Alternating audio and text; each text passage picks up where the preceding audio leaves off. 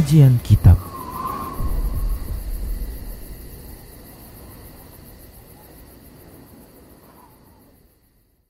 Bismillah, Assalamualaikum warahmatullahi wabarakatuh. Innalhamdalillah Nahmaduhu wa nasta'inuhu wa nasta'ghfiruh. Wa na'udhu billahi min syururi anfusina Wa min sayyiati a'malina. Man yahdihillah fala mudilla lahu ومن يضلله فلا هادي له. وأشهد أن لا إله إلا الله وحده لا شريك له. وأشهد أن محمدا عبده ورسوله صلى الله عليه وسلم. قال الله تبارك وتعالى يا أيها الذين آمنوا اتقوا الله حق تقاته ولا تموتن إلا وأنتم مسلمون. يا أيها الناس اتقوا ربكم الذي خلقكم من نفس واحدة وخلق منها زوجها وبث منهما رجالا كثيرا ونساء واتقوا الله الذي تساءلون به والأرحام إن الله كان عليكم رقيبا يا أيها الذين آمنوا اتقوا الله وقولوا قولا سديدا يصلح لكم أعمالكم ويغفر لكم ذنوبكم.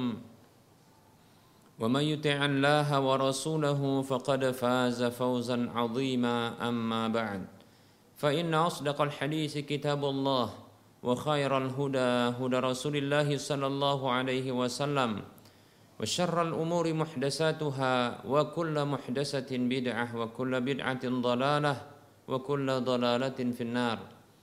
Para pemirsa Rosyad TV dan para pendengar Radio Medan Mengaji di mana saja Anda berada, rahimani wa rahimakumullah.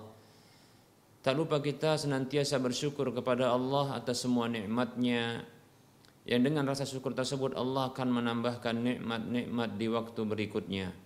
Salawat serta salam tak lupa kita ucapkan untuk Nabi kita Muhammad sallallahu alaihi wasallam yang semoga Allah Subhanahu wa taala memberikan taufik kepada kita untuk terus berada di atas ketaatan kepadanya dan kepada Rasulnya sampai Allah mewafatkan kita.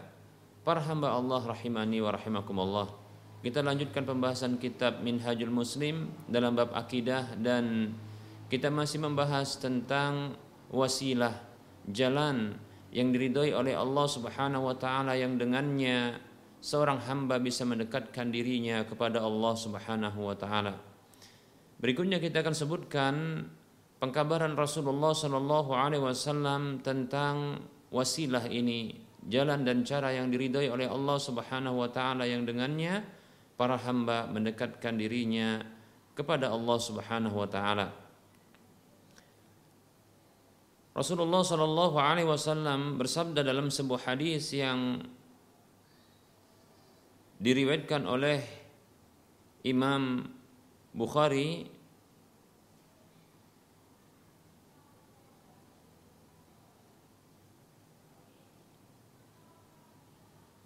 dan ini adalah hadis kudsi di mana Rasulullah Shallallahu Alaihi Wasallam mengkabarkan firman Allah Subhanahu Wa Taala Allah berfirman wa in taqarraba minni shibran taqarrabtu ilaihi dhira'an dan apabila hambaku tersebut mendekatkan dirinya kepadaku sejengkal maka aku akan mendekatkan maka aku mendekatkan diri kepadanya sehasta. Wa in taqarraba ilayya dhira'an taqarrabtu ilaihi ba'an. Dan apabila dia mendekatkan dirinya kepadaku sehasta maka aku mendekatkan diriku kepadanya sedepa. Wa in atani yamshi ataitu harwalah. Dan apabila dia mendatangiku dalam kondisi berjalan aku pasti mendatanginya dalam kondisi berlari. Baik para hamba Allah rahimani warahmatullah ini hadis yang sahih disebutkan oleh Imam Bukhari dalam kitab sahihnya. Para hamba Allah rahimani warahmatullah lewat hadis ini Rasulullah mengkabarkan kepada kita tentang firman Allah Subhanahu wa taala di mana Allah Subhanahu wa taala akan mendekatkan dirinya kepada hamba-hambanya yang berusaha mendekatkan dirinya kepadanya. Setiap hamba yang berusaha mendekatkan dirinya kepada Allah Subhanahu wa taala dengan cara dan jalan yang diridhoi oleh Allah Subhanahu wa taala, maka Allah Subhanahu wa taala mendekatkan dirinya lebih ketimbang hamba tersebut mendekatkan dirinya kepada Allah Subhanahu wa taala. Allah Subhanahu wa taala akan mendekatkan dirinya kepada hamba tersebut lebih kepada hamba tersebut lebih ya ketimbang hamba tersebut mendekatkan dirinya kepada Allah Subhanahu wa taala. Demikian pula dalam hadis yang lain Rasulullah Shallallahu alaihi wasallam mengkabarkan tentang tiga orang yang mereka dalam perjalanan lalu mereka berteduh di sebuah gua. Yang ternyata ketika mereka berteduh di sebuah gua tersebut tiba-tiba batu besar dari arah bukit meluncur menuju pintu gua lalu menutup pintu gua tersebut.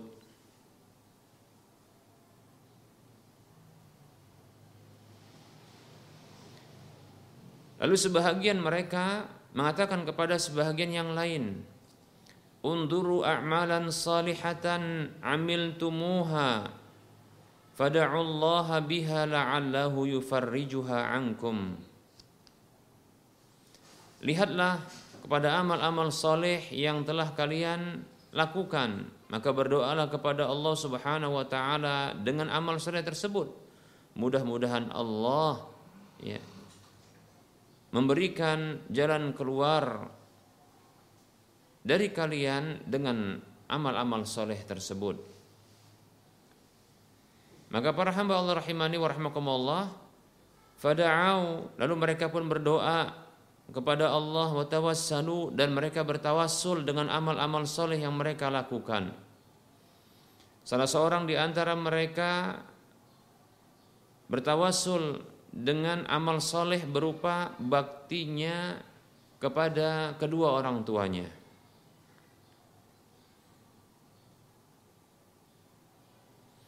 Di mana dia punya kebiasaan di akhir hari untuk menghidangkan susu dari ternak yang digembalakannya.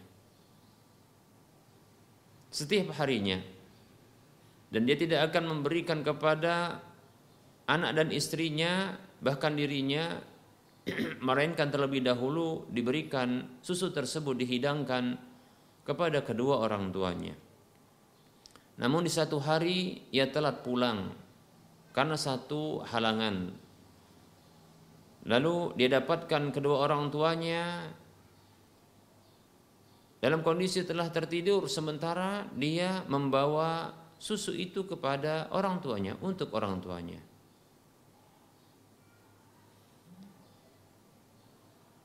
Maka dia berinisiatif untuk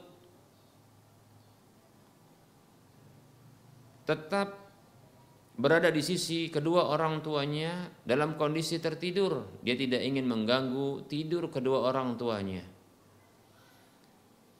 Dan dia khawatirkan kedua orang tuanya terbangun di tengah malam dalam kondisi membutuhkan susu tersebut, maka dia terus berdiri memegang wadah yang ada susunya menanti kedua orang tuanya terbangun untuk bisa meminum susu tersebut sampai dini hari. Bahkan anaknya membutuhkannya, istri yang membutuhkannya, ini tidak didahulukannya. Bahkan dirinya dibiarkan dalam kondisi berdiri tidak tertidur. Demikian ini amal solehnya. Dan tatkala orang tuanya telah terbangun lalu dia berikan susu itu kepada kedua orang tuanya. Ini amal soleh yang besar para hamba Allah rahimani wa rahimakumullah. Lalu dia berdoa kepada Allah. Dia mendekatkan bertawassul dengan amal solehnya mendekatkan dirinya kepada Allah agar Allah berkenan untuk membukakan jalan keluar bagi mereka. Lalu Allah Subhanahu wa taala menggeser batu besar itu sedikit namun mereka belum bisa keluar darinya. Maka orang yang kedua pun berdoa kepada Allah Subhanahu wa taala dengan amal solehnya berupa ia meninggalkan perzinahan di mana dia sangat berpeluang untuk melakukan perzinahan tersebut karena tinggal sedikit lagi dia melakukan perzinahan dan tak ada orang yang bisa menghalangi dan melihatnya.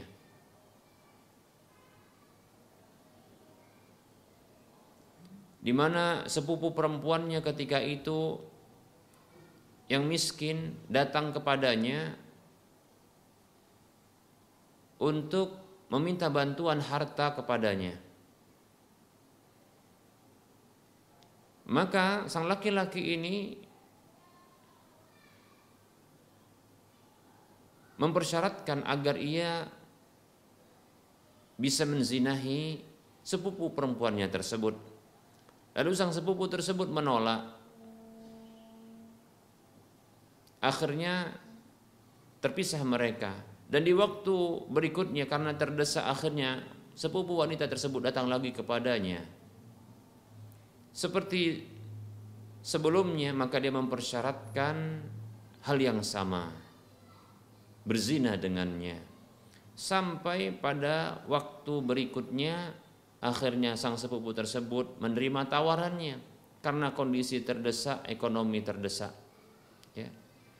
Kondisi sulit ketika itu. Dan tatkala ia sudah berada di atas tubuh sepupu perempuannya ini maka sang sepupu perempuan ini mengingatkan takutlah kepada Allah Subhanahu wa taala janganlah engkau merusak cincin yang tidak halal bagimu. Maka bergetarlah tubuh laki-laki tersebut karena dia diingatkan kepada Allah Subhanahu wa taala. Bergetar dia takut kepada Allah Subhanahu wa taala. Maka dia segera meninggalkan wanita itu dan meninggalkan uang yang dibutuhkan oleh wanita tersebut sepupunya itu dan sengaja diperuntukkannya. Dengan amal soleh seperti ini, di mana dia punya kesempatan untuk berzina tanpa ada penghalang dan tanpa ada yang melihatnya kecuali Allah beserta dengan para malaikat dan apa saja menjadi saksi di sekitar keduanya ketika itu.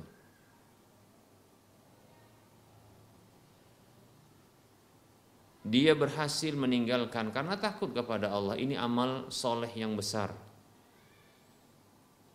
Maka dia berdoa dengan amal soleh tersebut. Dia bertawasul dengan amal soleh tersebut kepada Allah agar Allah bisa mendekatkan dirinya kepadanya. Agar Allah subhanahu wa ta'ala bisa, agar dia bisa mendekatkan dirinya kepada Allah subhanahu wa ta'ala. Maka dia meminta kepada Allah agar diselamatkan, diberikan jalan keluar, dari gua tersebut yang tertutup oleh batu besar. Lalu bergeserlah Allah geser sedikit batu tersebut dari gua itu, namun mereka belum juga bisa keluar darinya. Lalu datanglah orang ketiga, giliran orang yang ketiga, dia berdoa kepada Allah Subhanahu wa taala mendekatkan dirinya kepada Allah Subhanahu wa taala berdoa dia ya dengan bertawassul mendekatkan dirinya kepada Allah Subhanahu wa taala dengan menyebutkan amal solehnya. Di mana dia pernah mengembalikan hak orang yang pernah bekerja di tempatnya.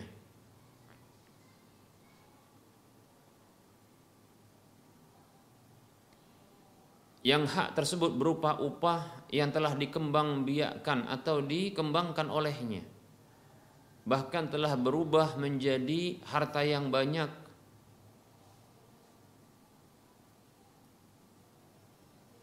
yang ia memiliki beberapa pekerja namun ada satu pekerja yang tidak mengambil upahnya. Dinanti dan ditunggu ternyata tak hadir. Lalu dia berinisiatif karena khawatir ini akan hancur.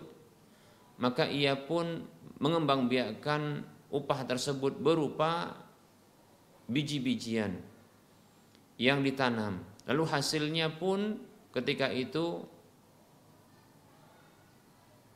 tak kunjung juga diambil oleh orang yang bekerja tersebut karena juga belum datang. Akhirnya dia kembangkan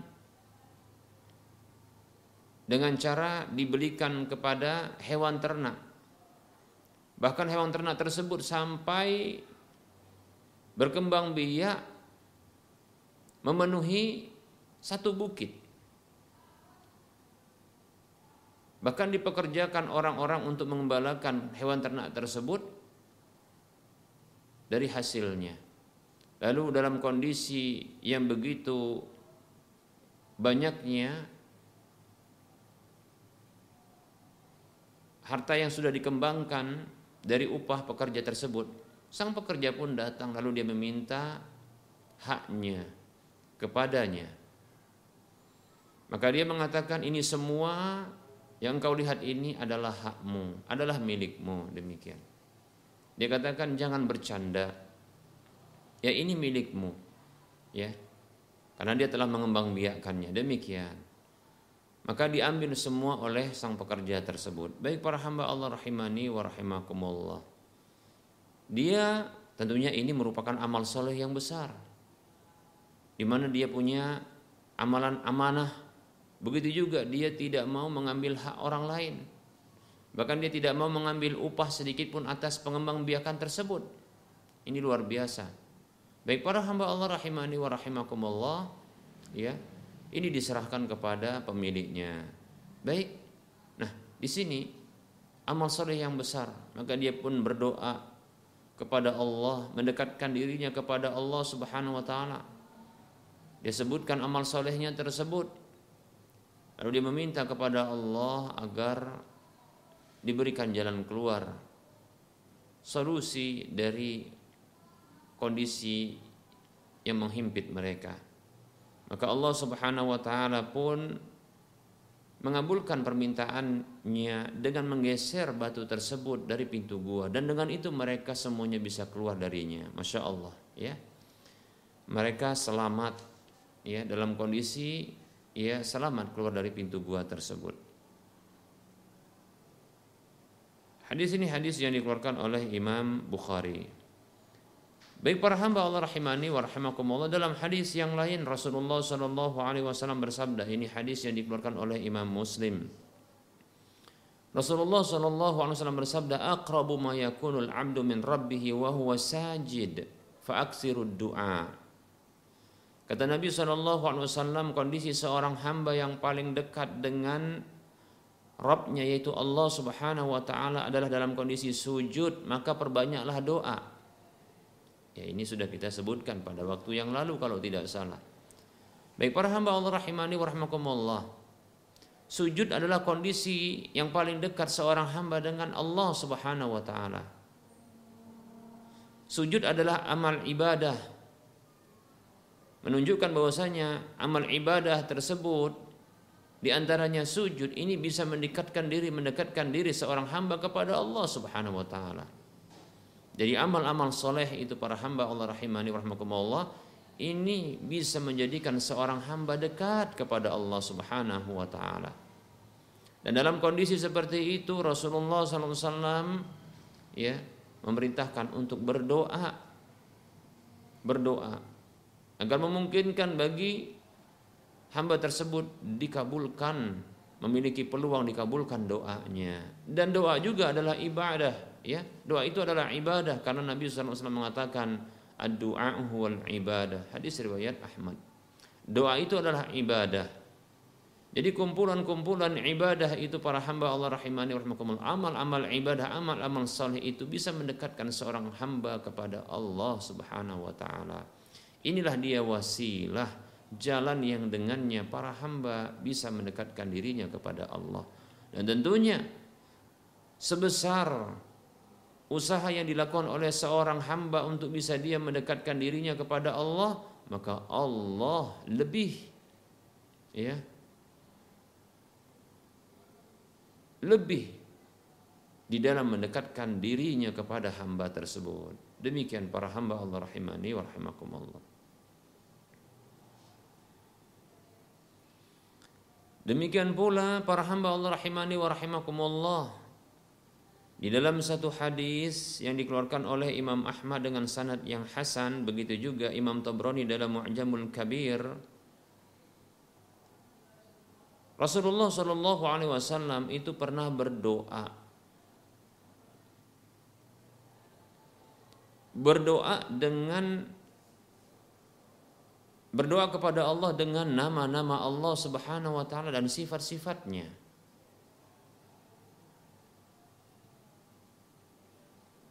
Dan ini merupakan salah satu bentuk tawassul, upaya mendekatkan diri kepada Allah Subhanahu wa taala. Rasulullah berdoa dengan doa seperti ini, as'aluka Allahumma, as'aluka Allahumma bikulli ismin huwa laka, sammaita bihi nafsaka, au anzaltahu fi kitabika, أو علمته أحدا من خلقك أو استأثرت به في علم الغيب عندك أن تجعل قرآن العظيم ربيع قلبي ونور صدري وجلاء حزني وذهاب همي وغمي Nabi Shallallahu Alaihi Wasallam pernah berdoa dengan doa seperti ini. Ya Allah, aku meminta kepadamu dengan setiap nama yang itu menjadi milikmu. Yang dengannya engkau menamakan dirimu atau yang pernah engkau turunkan dalam kitabmu atau yang pernah engkau ajarkan kepada salah satu dari makhlukmu atau yang engkau sembunyikan dalam ilmu gaib yang ada di sisimu. Agar engkau menjadikan Al-Qur'anul Azim itu sebagai pelipur hatiku ya, penerang eh, penerang dadaku dan penghilang kesedihanku serta ya penepis dari ya kegundah gulanaanku. Demikian. Para hamba Allah rahimani wa rahimakumullah. Baik para hamba Allah rahimani wa rahimakumullah dalam kondisi seorang hamba mendapatkan kesempitan hati kesedihan yang merundung hati kegundah gulanaan yang menyempitkan hati maka hendaknya seorang hamba mendekatkan dirinya kepada Allah Subhanahu wa taala dengan berdoa kepadanya dengan menyebutkan nama-nama dan sifat-sifat Allah Subhanahu wa taala seperti Rasulullah Shallallahu alaihi wasallam ini. Beliau dalam kondisi mendapatkan hati yang begitu sesak, dada yang sempit, begitu juga kesedihan dan kegundah gulanaan. Maka Rasulullah SAW berdoa mendekatkan dirinya kepada Allah Subhanahu Wa Taala dengan berdoa. Dan beliau berdoa dengan nama-nama Allah Subhanahu Wa Taala. Nah, Hadis ini menunjukkan kepada kita bahwasanya nama-nama Allah Subhanahu wa taala itu tidak terbatas. Karena ternyata ya nama-nama Allah Subhanahu wa taala itu ada yang diturunkan di dalam kitab Allah. Baik itu Al-Qur'an maupun kitab-kitab sebelumnya atau yang pernah diajarkan oleh Allah kepada hamba-hamba Allah atau yang pernah disimpan atau yang sedang disimpan oleh Allah di sisi Allah dalam ilmu gaib yang ada di sisinya. Demikian. Baik para hamba Allah rahimani wa rahimakumullah.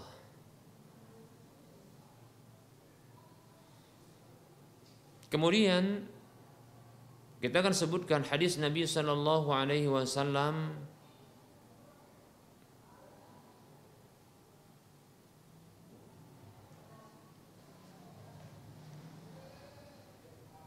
hadis yang dikeluarkan oleh Imam Tirmidzi.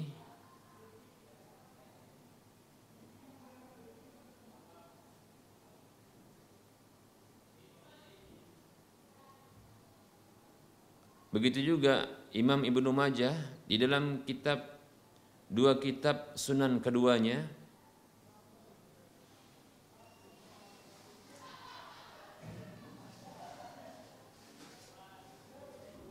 Hadisnya hadis yang sahih disahihkan oleh Syekh Al-Albani rahimahullahu taala. Baik para hamba Allah rahimani wa rahimakumullah kita akan sebutkan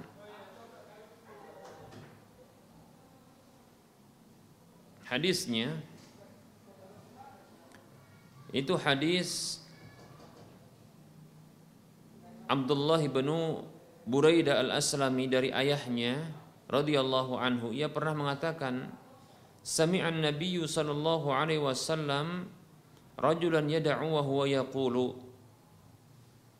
Nabi Shallallahu Alaihi Wasallam itu pernah mendengar seorang laki-laki yang berdoa dan dia berdoa dengan doa seperti ini Allahumma inni as'aluka bi anni ashhadu annaka antallahu la ilaha illa anta al-ahadus samadu alladhi lam yalid wa lam yulad wa lam yakul lahu ahad.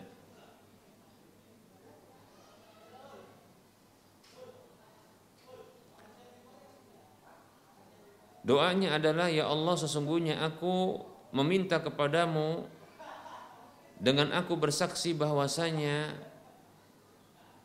Engkau adalah Allah yang tidak ada sesembahan yang berhak disembah kecuali Engkau zat yang maha esa satu-satunya dan zat yang maha tempat bergantung yang tidak memiliki anak dan tidak dilahirkan sebagai anak dan tidak ada satupun yang sebanding dengannya. Demikian.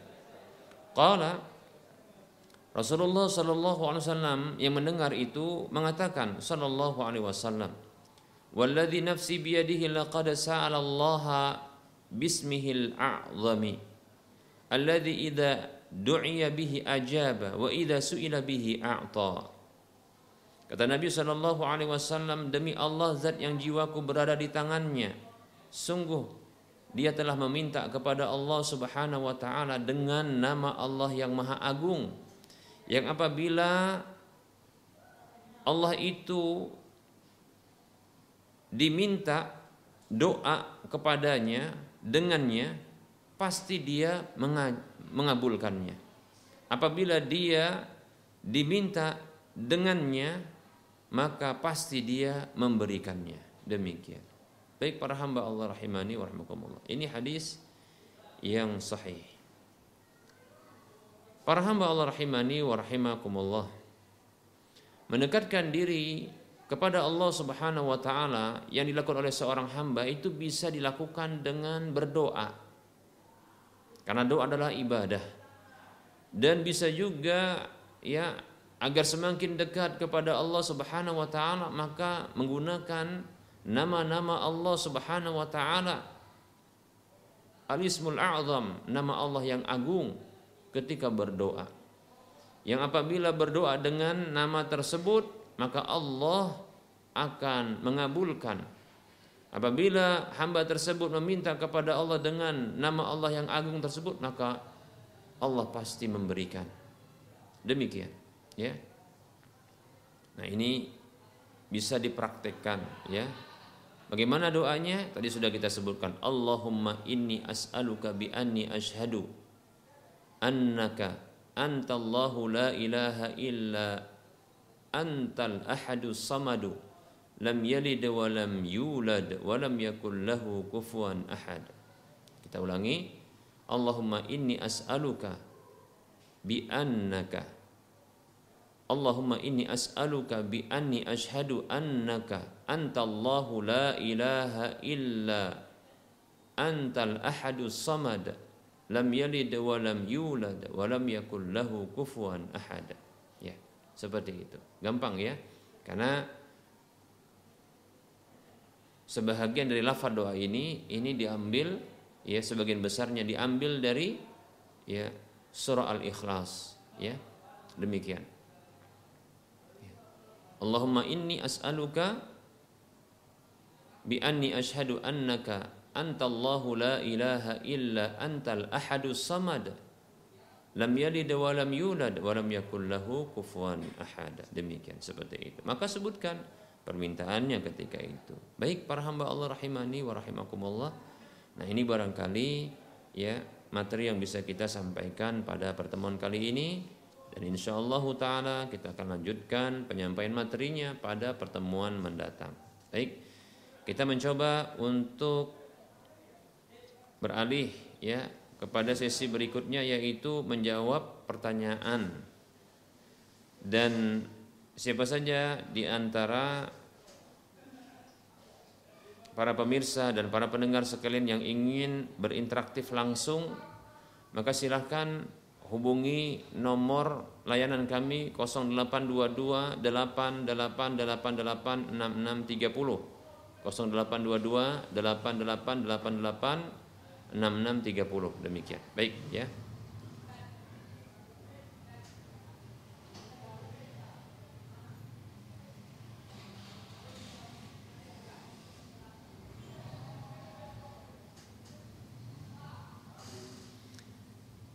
Baik.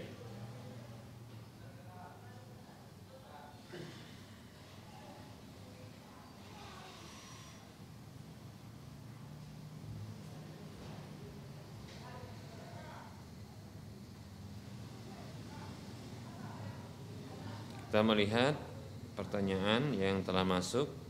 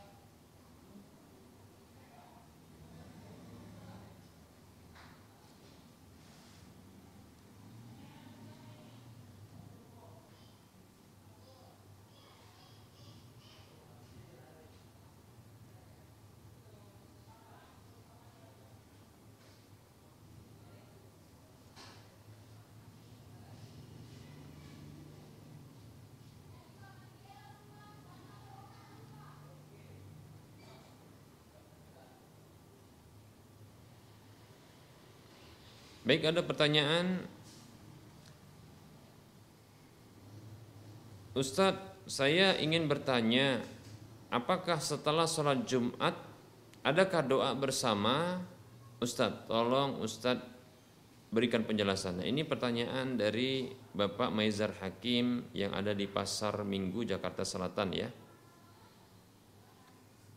Baik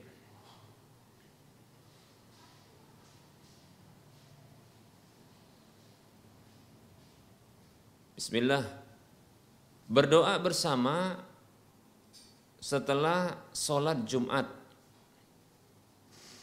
Perlu diketahui bahwasanya berdoa adalah ibadah. Maka tata caranya juga harus mengikuti petunjuk Nabi Shallallahu Alaihi Wasallam. Karena Nabi kita Muhammad Shallallahu Alaihi Wasallam bersabda, "Man amila amalan laisa alaihi amruna fahuwa raddun." Hadis riwayat Muslim dari ibunda Aisyah radhiyallahu anha Rasulullah SAW bersabda siapa saja yang beramal dengan sebuah amalan yang tidak ada perintah kami padanya maka tertolak. Berdoa setelah sholat fardu memang ada dianjurkan. Karena Nabi Wasallam pernah ditanya ayu doai asma? Doa manakah yang paling didengar? Maka Rasulullah mengatakan Shallallahu Alaihi Jaufal lailil akhir. Doa yang dipanjatkan di malam yang larut yang terakhir. Kemudian waduburo as-salawatil maktubat. Dan di dubur. Dubur itu bisa dua maknanya ya. Dubur dari salat-salat fardu. Maksudnya dubur itu ada dua. Maksudnya penghujung dari salat fardu Atau akibah setelah salat fardu. Demikian Ya, Nah, setelah sholat fardu maka termasuk dianjurkan juga untuk melakukan doa. Ini menurut pendapat yang saya condong kepada kepadanya. Walaupun ada pendapat yang lain tidak demikian, tapi saya condong, ya. Karena makna dubur itu bisa dua, penghujung demikian pula akibat setelah demikian, ya.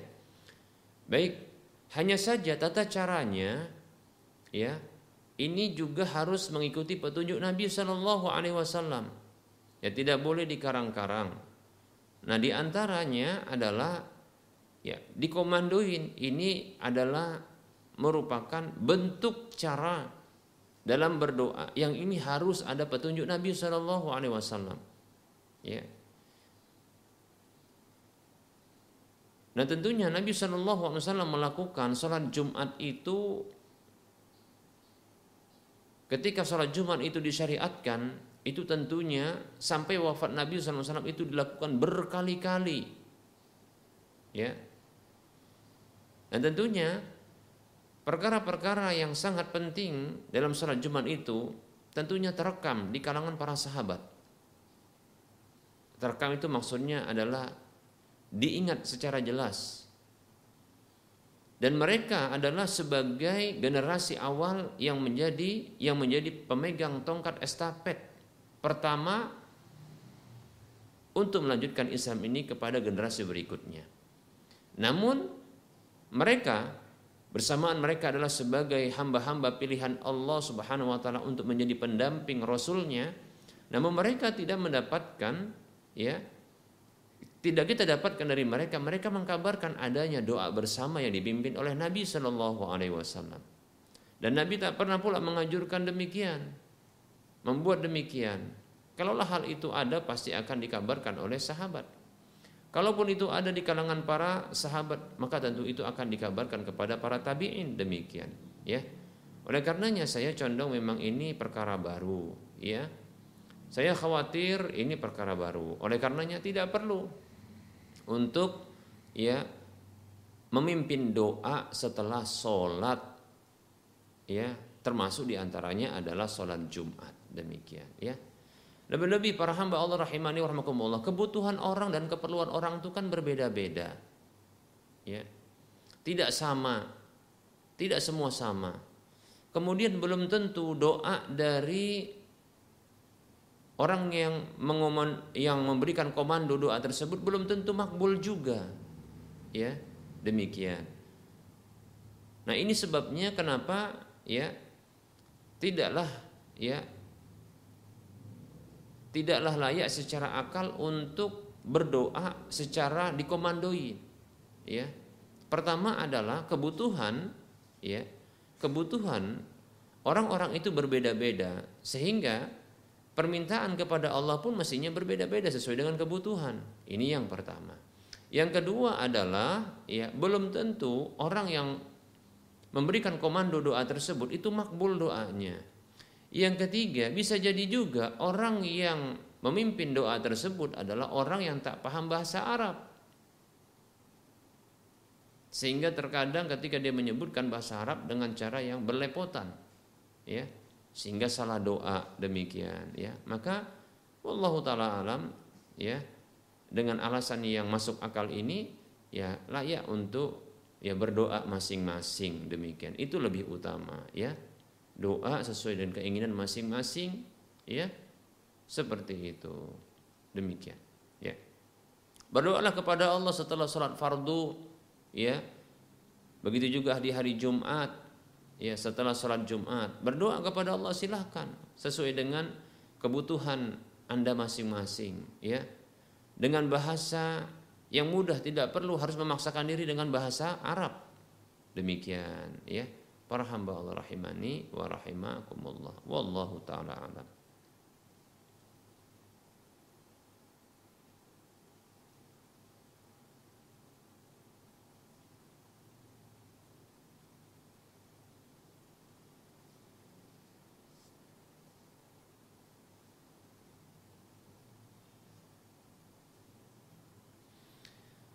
Ada pertanyaan, Ustadz, saya membeli dagangan teman saya senilai 30 ribu dan belum saya bayarkan dengan maksud nanti saya ambil. Saya ulangi, Ustadz saya membeli barang membeli dagangan teman saya senilai 30 ribu dan belum saya bayarkan dengan maksud nanti saya ambil. Kemudian teman saya itu meminta saya membelikan sebuah barang yang senilai dengan hutang saya tersebut. Lalu kami bertemu saya menyerahkan barang yang dia minta dan dia memberikan saya dagangannya. Bagaimana bentuk transaksi seperti ini Ustadz?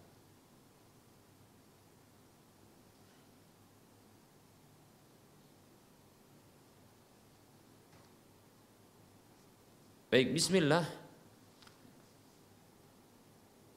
Jual beli yang terhutang barang dan terhutang uang, maka ini jual beli yang terlarang.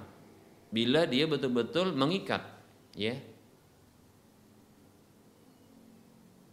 Saya ulangi, para ulama mereka berijma, bersepakat tanpa ada perbedaan pendapat tentang larangan bai'ul kali bil kali atau bai'ud dain biddain, jual beli hutang dengan hutang. Maksudnya adalah jual beli yang mengikat dengan terhutang barang dan terhutang uang. Sang pembeli terhutang uang. Sang penjual terhutang barang. Maka ini terlarang, sepakat ijma para ulama, terlarang. Ingat tapi dengan syarat mengikat. Namun apabila tidak mengikat ya apabila tidak mengikat ya apabila tidak mengikat. Tidak mengikat itu artinya boleh batal. Boleh tidak jadi. Ya dan tidak ada konsekuensi apa pun ketika tidak jadi. Demikian.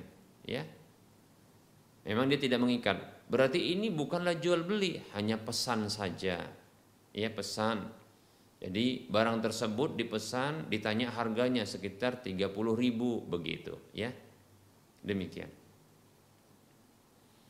Nah kalau seperti ini maka boleh tidak masalah. Ya, boleh tidak masalah. Nah kemudian kalau dalam kondisi seperti ini boleh nggak kira-kira ya, orang yang memiliki barang tersebut Orang yang memiliki barang tersebut, ya, dia minta untuk diberikan, dibelikan barang senilai dengan hutang.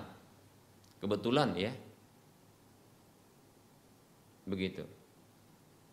Jadi pemilik barang atau kita katakan ya orang yang punya barang tadi itu minta tolong kepada calon pembelinya untuk membelikan barang senilai uh, senilai uang yang nanti akan atau senilai harga barangnya demikian yang akan dijual kepada orang tersebut. Ingat ini dalam kondisi dia tadinya tidak mengikat ya. Ya tidak mengikat.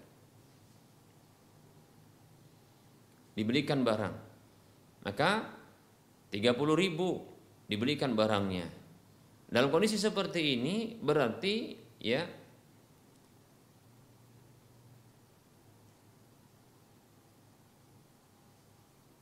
Orang yang membelikan barang tersebut menjadi wakil, ya, menjadi wakil, menjadi wakil dari orang yang memintanya untuk membelikan barang, ya.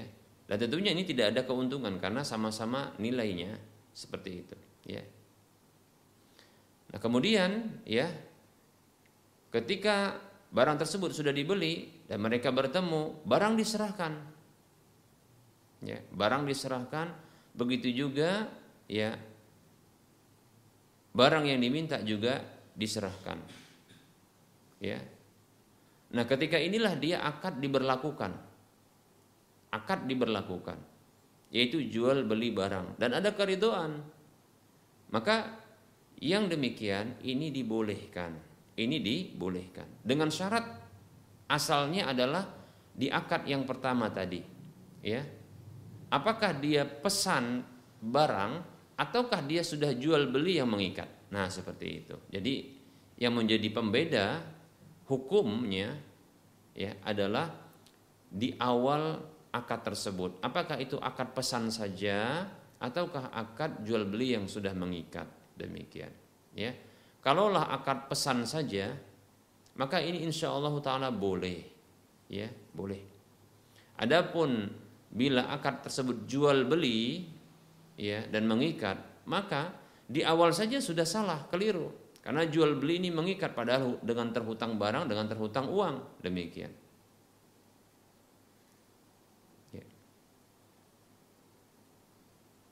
Kemudian di sini ya berikutnya kalau itu jual beli yang mengikat maka ini yang transaksi pertama adalah jual beli terhutang barang terhutang uang. Ini jual beli kali bil kali. Kemudian ya orang yang memberikan, orang yang terhutang barang tersebut mengambil manfaat dari orang yang yang punya hutang uang tersebut dari dia. Orang yang memiliki barang itu mengambil manfaat dari orang yang berhutang kepadanya untuk membelikan barang. Nah, ini menjadi apa? Riba berikutnya. Ingat kalau itu adalah ya di awal tadi jual beli yang mengikat. Ingat ya. Nah, seperti itu. Kalau tidak mengikat artinya boleh batal. Ya, tidak jadi. Ya. Contohnya apa? Yang tidak jadi. Contoh ini, orang yang tadi membelikan barang yang dipesannya, ya, itu ternyata waduh tidak jadi saya. Ya sudah nggak apa-apa contohnya. Ini kan barang sudah dibeli, ya tidak apa-apa katanya. Ya, tidak masalah. Kalau ini tidak mengikat, maka tidak masalah pula. Demikian wallahu taala a'lam. Seperti itu.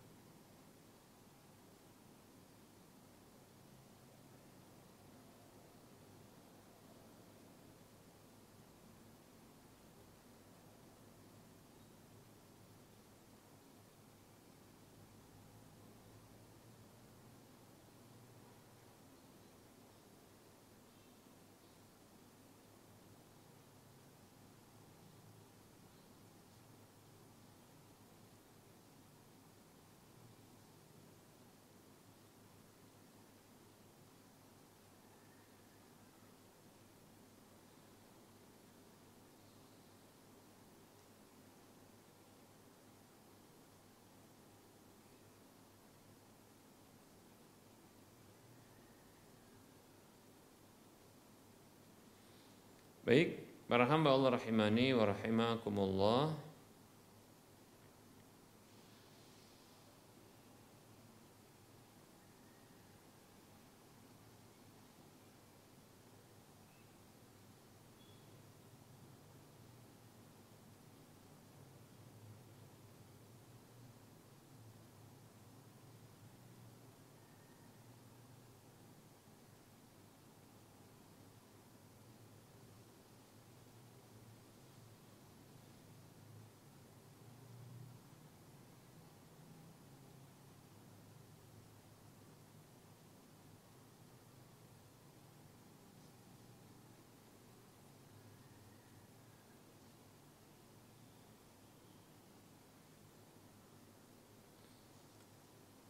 Ini ada pertanyaan Bismillah Assalamualaikum warahmatullahi wabarakatuh.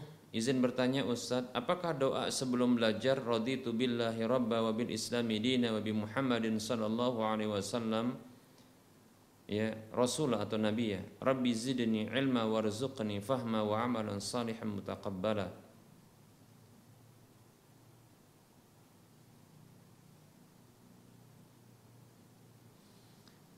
Waalaikumsalam warahmatullahi wabarakatuh Doa seperti ini barangkali maksudnya adalah doa yang dilakukan di waktu pagi. Karena memang ada zikir di waktu pagi raditu billahi rabba wa bil islami dina wa bi Muhammadin sallallahu alaihi wasallam nabiyya atau rasulah. Itu tiga kali. Hadisnya sahih, ya. Raditu billahi rabba wa bil islami dina wa bi Muhammadin sallallahu alaihi wasallam rasulah. Tiga kali. Raditu billahi rabba wa bil islami dina wa bi Muhammadin sallallahu alaihi wasallam rasulah. Kemudian begitu juga dalam hadis yang diriwayatkan oleh Imam Ibnu Majah dari Ummu Salamah radhiyallahu anha, Rasulullah setiap sholat ya subuh beliau itu membaca Allahumma inni as'aluka ilman nafi'a wa rizqan tayyiba wa amalan mutaqabbala. Nah, seperti itu. Nah, kalau maksudnya seperti ini, maka tentunya boleh. Tapi doanya harus jelas begini. Raditu billahi rabba wa bil islami dina wa bi muhammadin sallallahu alaihi wasallam rasulah. Namun perlu diajarkan bahwasanya ini adalah doa di waktu pagi. Ya. Tidak mesti harus ketika hendak belajar saja demikian, ya. Kalau untuk lafat yang e, dibacakan tersebut, Allah taala alam, ya, anak pribadi belum pernah tahu, ya, belum pernah tahu tentang e, hadisnya dengan berurutan seperti itu. Ya. Lebih-lebih ketika dibaca dengan berjamaah atau bersama. Ya. Nah, ini wallahu taala alam saya pribadi, anak pribadi ndak ya, ndak paham ya atau tak tahu tentang dalilnya. Demikian. Tapi kalau seandainya anak-anak tersebut diberitahu bahwasanya doa ini adalah doa ketika di waktu pagi ya raditu billahi rabba wa bil islami dina wa bi muhammadin sallallahu alaihi wasallam rasula atau an-nabiyya ya nabiyya begitu tiga kali dibaca raditu billahi rabba wa bil islami dina wa bi muhammadin sallallahu alaihi wasallam nabiyya atau rasula dibaca tiga kali kemudian juga baca Allahumma inni as'aluka ilman nafi'a wa rizqan tayyiba wa amalan mutaqabbala ini kedua-duanya adalah hadis yang sahih ya dan boleh untuk dibaca karena ini adalah zikir di waktu sabah pagi demikian. Dan ada sebahagian pendapat yang mengatakan boleh dibaca walaupun telah terbit matahari demikian. Seperti itu. Ya, telah terbit matahari boleh untuk dibaca walaupun telah terbit matahari. Hanya saja perlu diberitahu, diberitahu kepada anak-anak ini doa sesungguhnya adalah doa zikir pagi. Bukan doa zikir ketika hendak belajar saja Dikhawatirkan adalah nanti mereka ketika memulai belajar contohnya di malam hari atau di sore hari mereka baca doa ini. Ya sementara ini ya kurang tepat ya.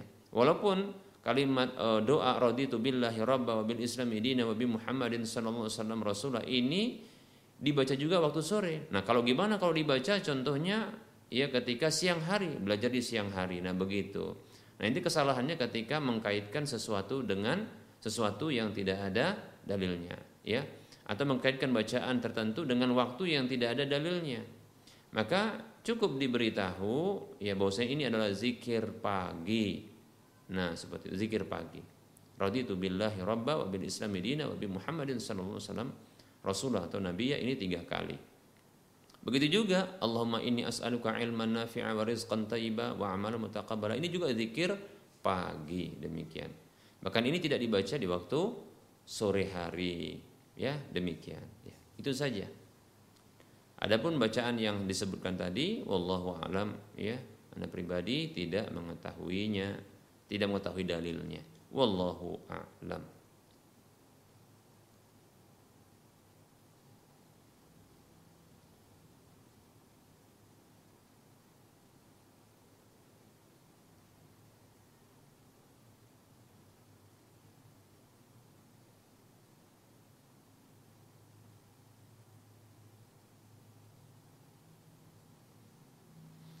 Baik, ini ada pertanyaan.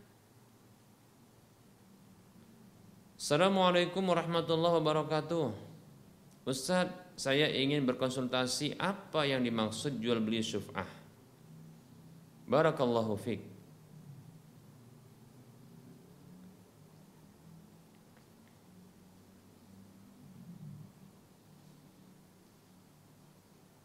Waalaikumsalam warahmatullahi wabarakatuh. Ya, ini pernah kita sampaikan ya ketika membahas tentang ya syuf'ah ya, pembahasan fikih muamalah syuf'ah. Baik syuf'ah adalah hak kongsi namanya ya, hak kongsi. Syuf'ah itu adalah hak kongsi, hak perkongsian. Ya. Perkongsian yang ini ada kesamaan di dalam pemanfaatan sesuatu. Ya Baik. Nah, hak syufa ini adalah hak yang diberikan kepada teman kongsinya yang tidak boleh dijual kepada pihak lain kecuali dengan izin ya atau ditawarkan terlebih dahulu kepada teman kongsinya seperti itu. contoh ada dua orang yang patungan untuk membeli satu lahan.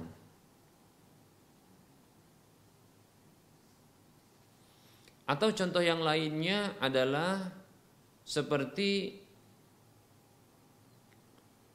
abang beradik yang mereka ini ternyata mendapatkan warisan berupa rumah atau lahan.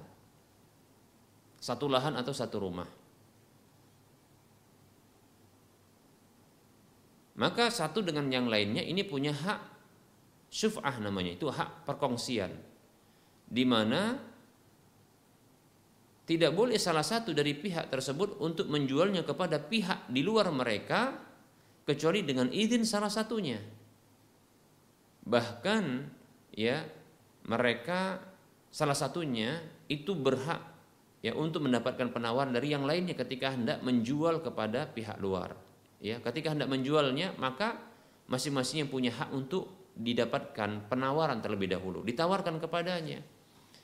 Jadi kakak beradik atau abang beradik ini ini kalau mau jual itu tawarkan dulu kepada saudaranya.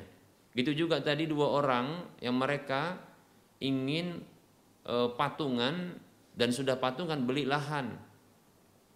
Maka salah satunya itu berhak untuk mendapatkan penawaran bila yang lain ingin menjual ya bagiannya demikian seperti itu itu namanya hak kongsi Nah, jual beli syuf'ah adalah jual beli ya haknya.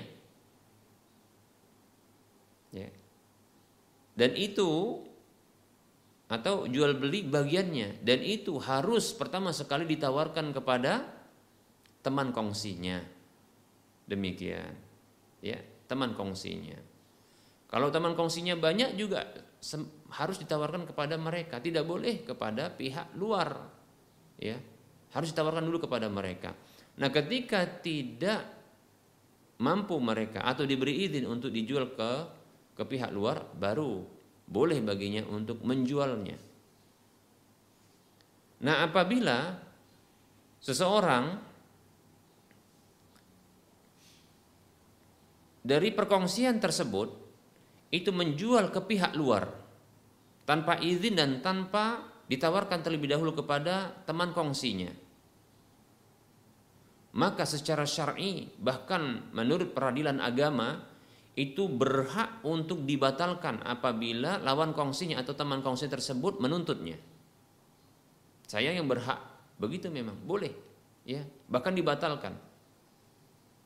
Dibatalkan tentunya dikembalikan uangnya kepada pembeli demikian.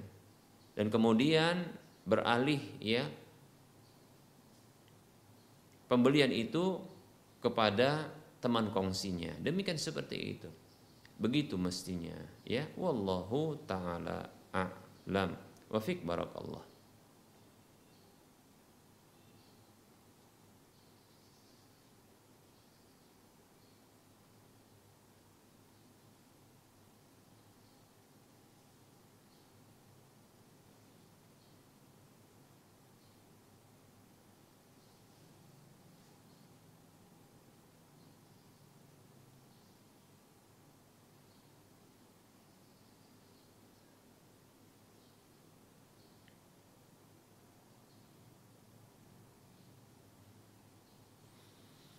Ini ada pertanyaan dari Ibu Putri, ya.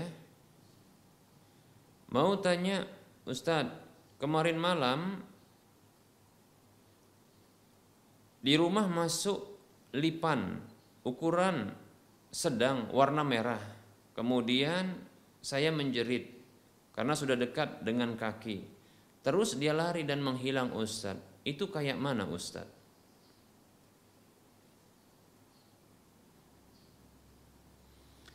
Bismillah.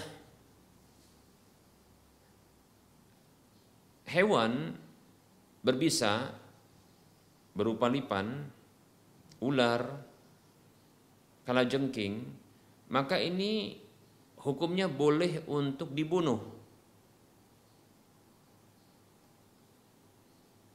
Boleh untuk di, dibunuh karena khawatir memudaratkan. Ya, khawatir memudaratkan. Dalam beberapa hadis disebutkan ya hewan berupa kalajengking, begitu juga ya ular ini dibolehkan untuk dibunuh. Ya, bahkan dalam kondisi ya solat bahkan ya dalam kondisi solat boleh untuk dibunuh demikian dalam hadis yang sahih. Adapun lipan maka disamakan dengan itu. Walaupun tidak disebutkan dalam dalil wallahu alam karena mungkin tidak didapatkan lipan ya di negeri Arab atau tidak pernah muncul barangkali di zaman Nabi sehingga tidak disebutkan. Namun disamakan karena sama-sama berbisa dan membahayakan. Maka boleh untuk dibunuh demikian. Ya. Ya, adapun ketika dia menghilang karena mungkin karena e, kita terkejut ya dan ingin mengejarnya, ya sangat mungkin. Karena bisa jadi uh, dia hewan yang lebih kecil ketimbang ular sehingga ini bisa untuk dia menyelinap di balik ya benda-benda besar. Bahkan ya kalau ada uh, lantai yang ini e, bolong begitu, sangat mungkin dia bisa masuk untuk di dinding atau di lantai tersebut. Demikian. Seperti itu. Mungkin dugaannya adalah ini apakah jin? Wallahu taala alam, ya bisa jadi. Karena memang ada ya e, kisah di Madinah di mana ada salah seorang sahabat yang baru pulang dari e, peperangan lalu mendapatkan di rumahnya ya ular yang besar yang membuat istrinya itu keluar dari rumah karena ketakutan ya dengan tidak berpakaian yang selayaknya. Ya maka dia marah ya karena ternyata ular ini membuat istrinya keluar tanpa berpakaian menutup aurat yang tepat. Lalu dia pun menyerang ular tersebut. Namun akhirnya keduanya baik itu ular maupun sahabat tersebut wafat ya meninggal dunia Ternyata ular tersebut adalah ya jin yang menjelma demikian. Maka Nabi Shallallahu Alaihi Wasallam memberikan ya petunjuk agar mengusirnya terlebih dahulu bukan langsung menyerangnya demikian. Sebagian ulama berpendapat bahwasanya ini berlaku hanya di Madinah, yaitu ketika ada ular yang masuk ke rumah maka hendaknya diusir terlebih dahulu. Adapun pendapat yang lain ini berlaku umum, baik itu ya di Madinah ataupun di luar Madinah maka terlebih dahulu hendaknya diusir ya terlebih dahulu ya untuk dia tidak tinggal di dalam rumah demikian seperti itu ya. Kalau dia tidak berkenan nah, maka di sini wallahu taala alam boleh untuk dibunuh demikian ya. Diusir terlebih dahulu jangan dibunuh ya diusir terlebih dahulu jangan dibunuh demikian Berbeda dengan lipan karena lipan tidak ada dalilnya. Wallahu a'lam. Ya saya pribadi condong lipan itu boleh dibunuh. Tapi selayaknya sebaiknya agar tidak memberikan mudarat ya maka hendaknya dibunuh dengan membaca bismillah ya. Membaca bismillah ya. Ya, karena sesungguhnya bismillah itu sebagaimana dalam hadis yang zikir yang disebutkan Nabi bismillahilladzi la yadurru ma'asmihi syai'un fil ardi wala fis sama' wa huwa samiul alim dengan nama Allah yang tidak akan memudaratkan apa saja yang ada di langit dan di bumi dengan disebutkan nama tersebut. Dan Allah Maha mendengar lagi Maha melihat ya. Allah Maha mendengar lagi Maha mengetahui. Demikian. Seperti itu. Jadi dengan bismillah insya Allah tidak akan memudaratkan bagi orang yang membunuhnya. Wallahu taala a'lam. Baik para hamba Allah rahimani warahmatullah barangkali ini materi dan uh, sesi soal jawab yang sudah kita sampaikan pada pertemuan kali ini dan tentunya dalam penyampaian ini banyak kesalahan dan kekurangan serta kekeliruan kepada Allah saya mohon ampun dan kepada para pemirsa sekalian dan para pendengar saya mohon maaf Adapun kekurangan, kekeliruan itu maka tinggalkan ya. Adapun kebenaran maka ambillah ya. Baik sebelum kita mengakhiri pembahasan ini ya kita motivasi saudara-saudara seiman mari kita berdonasi ya mengarahkan sebagian harta kita untuk membebaskan lahan yang nantinya akan dibangun Masjid Al-Muwahhidin untuk wilayah Medan dan sekitarnya. Yang kekurangan dana saat ini adalah 4,3 miliar rupiah. Silahkan ya miliki aset akhirat yang akan terus pahalanya mengalir kepada kita semua ya bagi anda siapa saja yang menyalurkan harta tersebut. Miliki aset akhirat. Silahkan kirimkan ke Bank Syariah Mandiri atau Bank Syariah Indonesia di nomor 71274855555 atas nama Yayasan Lajnah Dakwah Medan kode bank 451 ya. Anda ingin mendapatkan pahala yang terus mengalir kirimkan harta Anda ke Bank Syariah Mandiri atau Bank Syariah Indonesia di nomor 71274855555 atas nama Yayasan Lajnah Dakwah Medan kode bank 451. Semoga Anda termotivasi dan semoga bermanfaat. Wassallallahu ala Muhammad wa ala alihi wa ashabihi ajma'in. Subhanakallahumma wa bihamdika asyhadu an la ilaha illa anta astaghfiruka wa atubu ilaika walhamdulillahi rabbil alamin.